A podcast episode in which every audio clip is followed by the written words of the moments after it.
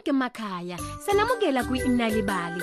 Sekuyisikhathi sendatshana, isikhathi sokuxibelelana ngolwazi lwezindatshana zakithi. Mina nginguSanentuli uantu abantwana. Indaba yethu namhlanje ikhuluma ngezilamani ezintathu nebhodo liphalishi. Ngakho masihambisane nganansi indaba yethu ke sizwe ukuthi isiphatheleni. Nalibali. Kwakukhona izelamane ezintathu okwakunguMo noJoe noBo. Bavuka ekseni ngovivi bayakofuna umsebenzi kwesinye isigodi ngoba phela sasikude. Kwathi behambe ibanga elide uMo ubhuti omncane wathi Mina sengikhathele nje manje. Kumele siphumule uJoe ubhuti wesibili wavumelana naye. Mina ngikhathele. Webo, Ya. Ngicabanga ukuthi kumele sithole indawo esizolala kuyona. Nobhuti wabo omdala uBo wayesekhathele kodwa kazange zame bangani bami. Unezilwane ezinobungozi kabi la. Asiqhubeke nohambo. Ngesikhathi kuhwala labangani bami babona umlilo wawulokoza buqamamana baphuthuma ngamandla beqonde kuwona kuleyo muzi bafica umama omdala epheka iphalishi ngebhodo lensimbi Nibukeke nikhathele. Ningalala lana uManthana. Indlu yami inkulu. Namukelekile ukuthi ningalala kodwa namhlanje.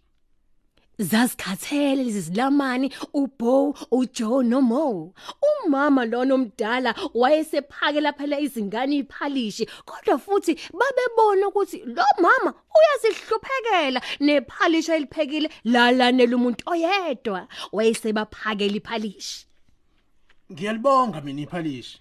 kusho ubhuti omdala uBo Nami futhi ngiyalibonga. kusho ubhuti ophakathi nendawo uJoe Ngiyabonga nami.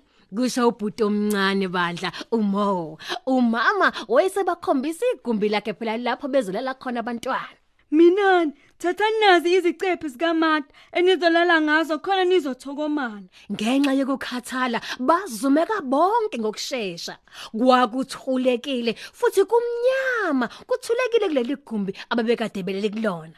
Kwathi ke phakathi nobusuku uMo ubhuti omncane waphaphama. Ha phela isizathu senza ukuthi abonge iphalishi kwakungenxa yokuthi obhuti bakhe abadala ibona balibonga kuqala naye owayesethi uyabonga Ngilambile.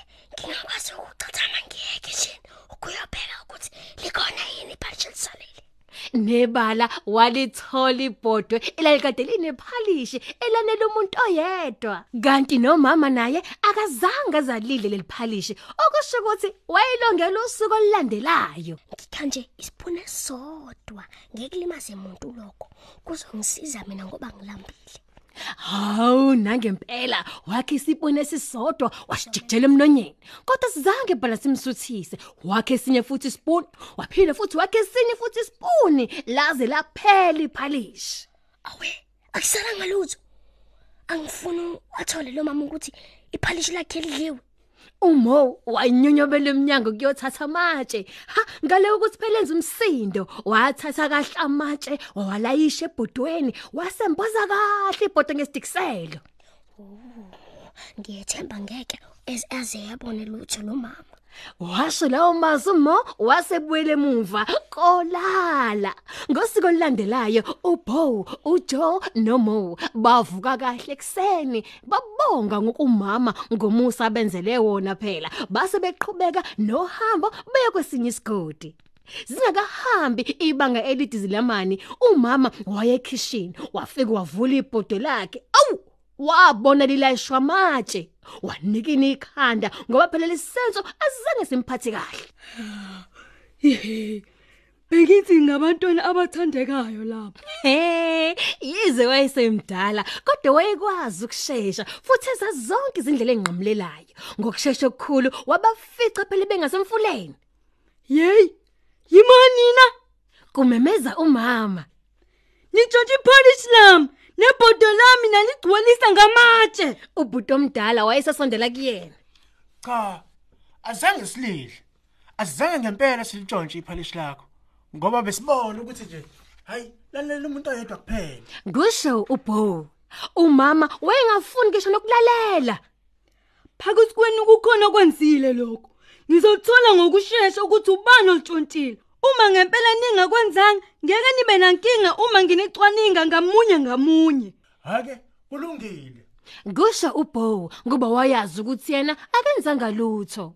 Umama ubaholela emfuleni lapho kwakukhona phela ikhona lotshane elikhulu ngasemfuleni okwakumele bahambe phezukwalo. bathathu kuzomela neqe lomfula bese nicula leli culo uma ngilidlile iphalishi lika mama amanzi omfula asokwasi amanzi omfula asogeleza angimboze kusuka ekhanda naseswaneni Ubhuti woqala waweqa lomfula ecula iculo.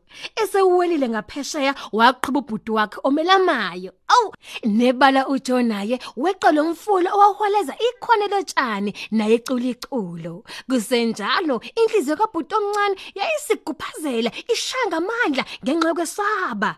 Esewelile ngaphesheya uJoe waqhweba uMo waqala bandla wasondela ngasekhwaneni lokuqala wabe secula.